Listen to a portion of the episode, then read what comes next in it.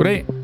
Mit øh, navn det er Oliver Breum. Jeg er vært og chefredaktør her på Den Uafhængige. Det, du lytter til nu, det er vores uundgåelige interview fra morgens udsendelse. Og det er et eksklusivt interview med den danske ukrainekriger Storm Balderson, som øh, vores journalist Clara Vind har begået.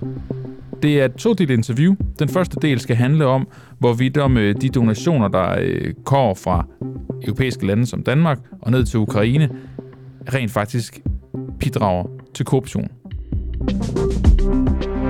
Og fra øh, Iran, så skal vi til øh, Ukraine, fordi Ukraine-kriger Storm Ballersen, han advarer mod, at Ukraine-donationer bidrager til korruption. Det er et eksklusivt, eksklusivt interview, som vi nu kan bringe her på den uafhængige. Den dansk-ukrainske øh, kriger Storm Ballerson, han løfter eksklusivt over for den uafhængige sløret for oplevelser, hvor han har været vidne til korruption i stor stil blandt for eksempel højtstående befalingsmænd i den her fremmede legion. I august måned, der beskrev det ukrainske medie The Kiev Independent, hvordan lederne i den internationale legion af fremmedkrigere i Ukraine blev beskyldt for at sende deres soldater ud på 20-togter og selvmordsmissioner. Historien var baseret på samtaler med soldater fra legionen. Storm Ballerson, han rejste i begyndelsen af marts til Ukraine, noget vi øh, kunne fortælle som de første her på den uafhængige øvrigt, for at øh, kæmpe mod øh, russerne, og, øh, og i forlængelse af The Kiev Independence historie, så fortæller Storm nu om hans egne oplevelser af legionen, hvor han mener, at der hersker store problemer. I det her interview, der forklarer han vores reporter Clara Vind, at hele containere med udstyr, der var doneret til legionen, er blevet solgt videre, og senere er set til salg i butikker i Kiev. Derfor så advarer Storm Ballersen nu folk som eksempelvis den dansk-ukrainske komité, som øh, samler penge ind øh, til køb af våben og sikkerhedsudstyr. For ifølge Storm Ballersen er, der, er det ikke sikkert, at det her udstyr det rent faktisk kommer frem. Vi har spurgt den dansk-ukrainske komité, om de vil stille op til interview. De har takket nej, men gav os dette skriftlige svar. Vi giver med mange andre verden over penge til den konto, som den ukrainske regering har oprettet i Tyskland til brug for det ukrainske forsvar. Vi har ikke og kommer ikke til at give midler til andet. Hvad man derfor måtte have oplevet konkret i forhold til øh, i, i, for, for, i forbindelse med et ophold i Ukraine, har intet med vores indsamling at gøre, og derfor har den dansk-ukrainske komité ingen kommentarer. Lad os høre, hvad det er, Storm Ballerson han, øh, han har oplevet i Ukraine. Altså, øh, desværre har jeg oplevet lidt for meget øh, misbrug og korruption i legionen. Og øh, misbrug er en ting, korruption er en anden ting, men, men korruption kunne være helt ned i de små. Øh, altså, jeg har set en, en, en, en legionær bestik en, øh, en, en overordnet med et øh, GoPro-kamera, og så kunne han få lov at have en pistol på sig. Øh, så det kan være helt ned i de små, men jeg har også oplevet sådan lidt... Øh, uh, mere træls historier i forhold til uh, nogle ret høje befalingsmænd, som, som har været sigtet og er sigtet nu under at have solgt uh, hele container med udstyr, som er doneret til legionen. Altså udstyr, som soldaterne i legionen skulle have? Ja, ja. Øh, og helt konkret var det en sag, hvor, hvor, øh, hvor det viser efterfølgende, at de her, øh, den her container, det var body armors, de øh, blev solgt øh, i butikker i, i Kiev i hovedstaden. Øhm, og det var for flere millioner øh, kroner, det her udstyr det blev, det blev solgt for sammenlagt. Og ved man, hvor de penge råd hen? Øh, det eneste, jeg ved, det er, at øh, de her mennesker, som var involveret i netop den her sag, de er under efterforskning nu. Øh, men det er jo bare en ud af mange desværre sager, hvor man, hvor man hører om det her. Men øh, for, for mig selv, så har jeg den grundregel, hvis man har med befalingsmænd over 40 eller 50 år, øh, så er det af den gamle skole, og øh, så stoler jeg ikke en fløjtende fis på dem, fordi øh, korruption, det har været en meget, meget stor del af Ukraine, øh, og, og er desværre også lidt stadigvæk, men, men det er lidt en anden generation, der gør det end den yngre. Er min egen personlige oplevelse i hvert fald.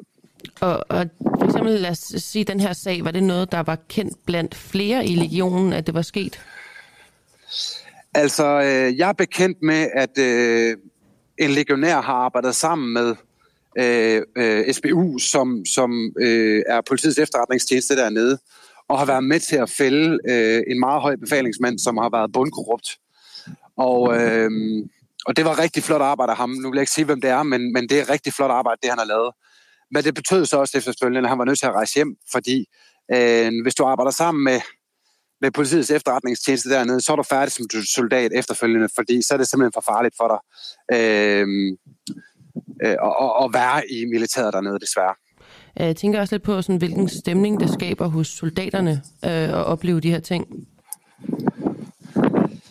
Øh, jeg tror rigtig mange, de forsøger at holde fokus på det, de skal. Det er i hvert fald det, jeg selv har oplevet. Og, og alt for mange gider ikke rigtig bruge så meget tid på at snakke om det. Øh, fordi det er klart, langt de fleste, som er dernede, de ønsker jo at, at komme ud og lave det arbejde, som de er taget ned for at lave. Øh, men der er også nogen, der har taget et meget stort ansvar på sig som frivillige soldater, og virkelig gået, gået i makronerne på nogle af de her mennesker.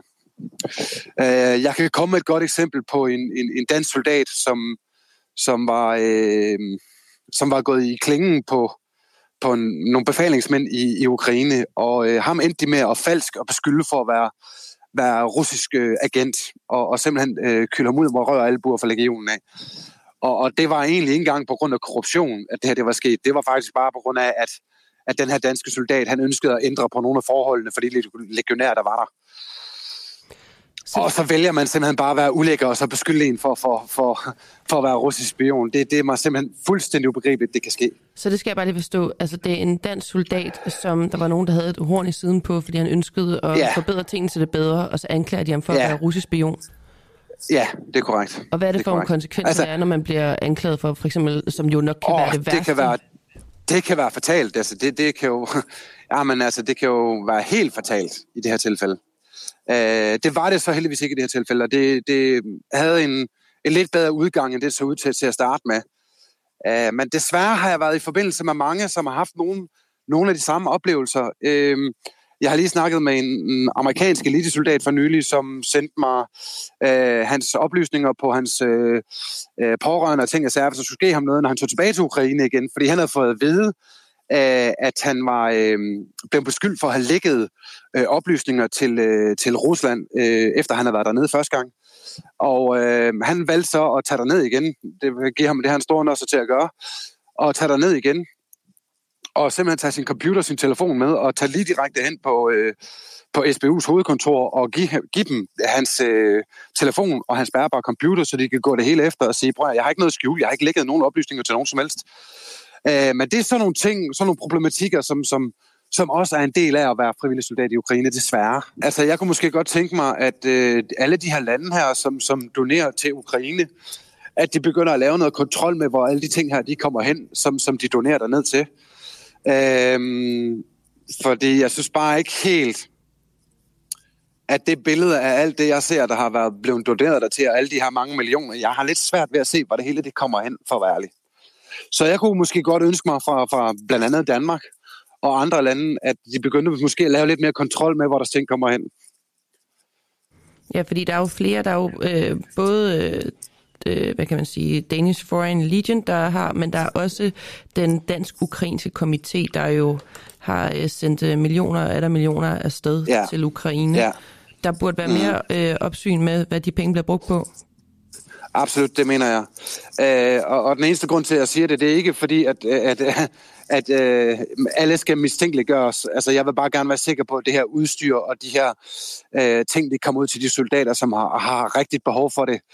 Øh, for om ikke andet, så er det mine tidligere kollegaer i Ukraine, som har allermest behov for det her udstyr. Og det vigtigste er bare, at det kommer frem til dem. Øh, så er jeg sådan set ligeglad med alt andet korruption, og det, det, må, det der er andre myndigheder, der må tage sig af det vigtige er bare, at det kommer frem. Og en ting er den korruption, som Storm Battlerson fortæller om her. Noget andet er de missioner, de bliver sendt ud på, som øh, ja, simpelthen kan blive kaldt selvmordsmissioner. Øh, det, det gør Storm Battlerson i hvert fald selv. Nu skal du høre den anden del af interviewet med øh, den danske ukrainekriger Storm Ballerson. Det handler om, at øh, den internationale legion af fremmedkrigere i Ukraine efter sine bliver sendt ud på det, som Storm Ballerson kalder selvmordsmissioner. Og i det her interview kan du høre ham berette om en af dem. Nu skal vi tilbage til anden halvdel af vores eksklusive interview med øh, den danske Ukraine, uh, øh, Ukraine-kriger Storm Balderson. Danske Ukrainekrigere bliver nemlig sendt på selvmordsmissioner, det mener han i hvert fald. I august måned der beskrev det ukrainske medie The Kiev Independent, hvordan lederne i den her internationale legion af fremmedkrigere i øh, Ukraine blev beskyldt for at sende deres soldater ud på øh, 20-togter og selvmordsmissioner, og historien var baseret på samtaler med soldater fra legionen. Og i dag så kan vi så netop helt eksklusivt bringe et interview med netop Storm Balderson, der af flere omgange har været i Ukraine for at kæmpe for fremmed legionen. Han bekræfter historien og fortæller, at han selv har oplevet at blive sendt på øh, det, han kalder en selvmordsmission for fremmed legionen. Her mistede blandt andet en soldat livet, fordi der simpelthen manglede udstyr, fortæller han. Han siger blandt andet også, at der var ikke lavet så meget som én bunker i tilfælde af, at vi blev ramt af artilleri. I stedet for havde folk siddet og drukket sig stive.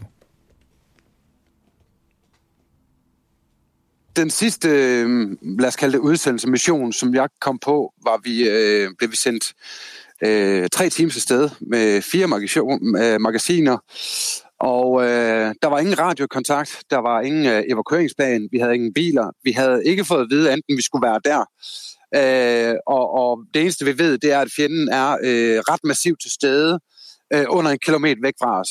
Øhm, og øh, øh, jeg var målløs over den situation, vi blev sat i. Altså, vi, vi havde intet fået at vide om, hvad der skulle foregå, øh, enten vi skulle derud. Og øh, desværre ved jeg, at øh, kollegaer er døde netop i det område på grund af manglende udstyr, øh, ja, manglende evakueringsplan. Øh, jeg så en, der var såret i, i, i 24 timer, før han kom på et, øh, et fældehospital og blev taget sig af med fragmenter i, øh, fragmenter i benet.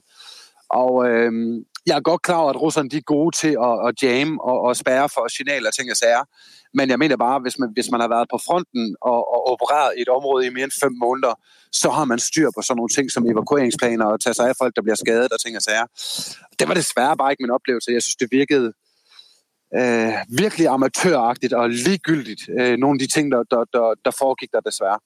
Hvis vi går helt ned øh, sådan i øh, gulvhøjde i den øh, mission, hvornår mærkede du så første gang usikkerheden sætte ind, da du skulle ud på den?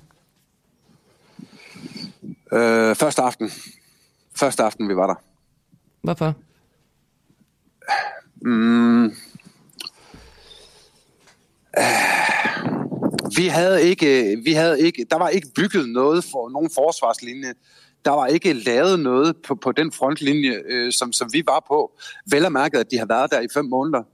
Jeg var meget forarvet over, at der var ikke lavet mere øh, antitank-forsvar, at der ikke var lavet minefelter, at der ikke var lavet øh, evakueringsplaner. Der var ikke lavet så meget som en bunker, som man kunne kravle ned hvis det var, man øh, blev, blev, blev ramt af artilleri. Øhm, altså nu blev vi ramt af artilleri på vej ind i det område, som vi skulle til, og vi måtte ret hurtigt øh, øh, finde løsninger og, og, og gå i dækning på. Men, men øh, den del var jo ikke usædvanlig. Men når vi kommer hen til det område, hvor folk har været i så lang tid, at, øh, at at det var fuldstændig ubegribeligt, at jeg ikke mødte ud til et sted med, med, med, med nybyggede bunker, og øh, at der var egentlig styr på tingene. Og, og det var noget af det første, jeg kontaktede øh, en af de overordnede frivillige soldater med at sige, hvad, hvad, altså, hvad, hvad foregår der her? Altså, skal vi ikke have bygget nogle forsvarslinjer? Og det vil han lige prøve at se på, om vi, om vi kunne få lov til det. Og det var bare sådan, hvorfor I ikke gjort det de sidste fem måneder? I har været her fem måneder. Altså, det giver ingen mening, at I ikke har lavet en forsvarslinje her. Men øh, så gik det op i, at der var ikke penge til det, der var ikke øh, udstyr til det, der var ikke personel til det, og så ved jeg bare ikke, hvad folk de har lavet der i fem måneder. Har de så bare siddet og drukket sig stive, ligesom det jeg så? For det, det var det, jeg så. Og som du siger, nogle konsekvenser af det her var, at du havde kollegaer, der døde derude. Altså, hvad, hvad var det, der gjorde ved den manglende, øh, hvad siger man, den, øh, den manglende sikkerhed og manglende information, at de øh, døde i kamp? Øhm, en helt konkret blev kvalt øh, under en brændende bygning, øhm, fordi der ikke var var, var iltudstyr, og øhm, der var ikke lavet et godt nok øh, bunkersystem i forhold til artilleri. Og øhm, den her person her blev, blev, blev desværre kvalt og kunne ikke komme ud dernede fra Øhm, på grund af det. Og så efterfølgende, først da folk var døde, kom der noget iltudstyr op øh, på den frontlinje, hvor det her det var et problem.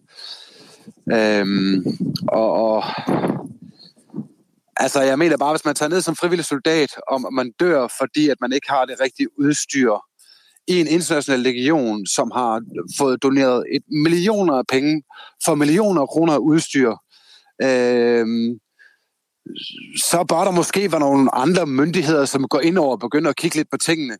Øh, men, men, men det er desværre ikke tilfældet. Tværtimod.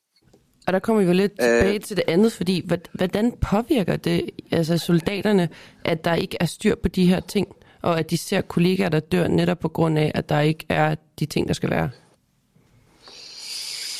Øh, mange af de soldater, som jeg kender, som er i Ukraine, har absolut intet ønske om at være en international legion på grund af de kritiske forhold, som er der. Øh, og det, det, det er meget simpelt. Øh, men jeg ved så også, der er stor forskel på, hvad for en enhed du er i i den internationale legion. Øh, der er forskellige øh, øh, fagområder at være i, og, og det er alt afgørende for, øh, og, og hvad forhold du har arbejdet under. Det er nogle vilde fortællinger, øh, Storm Balderson har her, dansk-ukrainske øh, kriger nede i, øh, i Ukraine. Tak til ham for at gide at vil dele de oplevelser, han har dernede. Det var øh, det, vi havde valgt som dagens uundgåelige interview af en uafhængig morgen. Har du fået øh, lyst og mod på mere, så øh, kan jeg blandt andet anbefale dig at lytte til vores interview med konservativ folketingsmedlem Lise Bertelsen. Vi interviewer hende, fordi vi har i gang sat en kampagne her på Den Uafhængige, hvor vi vil i tale med samtlige 179 medlemmer for Folketinget. Det synes vi, vi har krav på. Det er dig og mig, der har ansat dem. Derfor så skal de også udtale sig og fortælle om deres politik. Det her interview det handler blandt andet om et af Lise Bertels mærkesager, nemlig at få øh, sænke dagpengesatsen. Hør hende øh, forklare, hvad hun ved og ikke ved om det. Du har lige lyttet til den uundgåelige fra den uafhængige. Tak til vores medlemmer for at gøre det muligt. Du kan støtte kritisk og nysgerrig journalistik ved at blive medlem på duah.dk.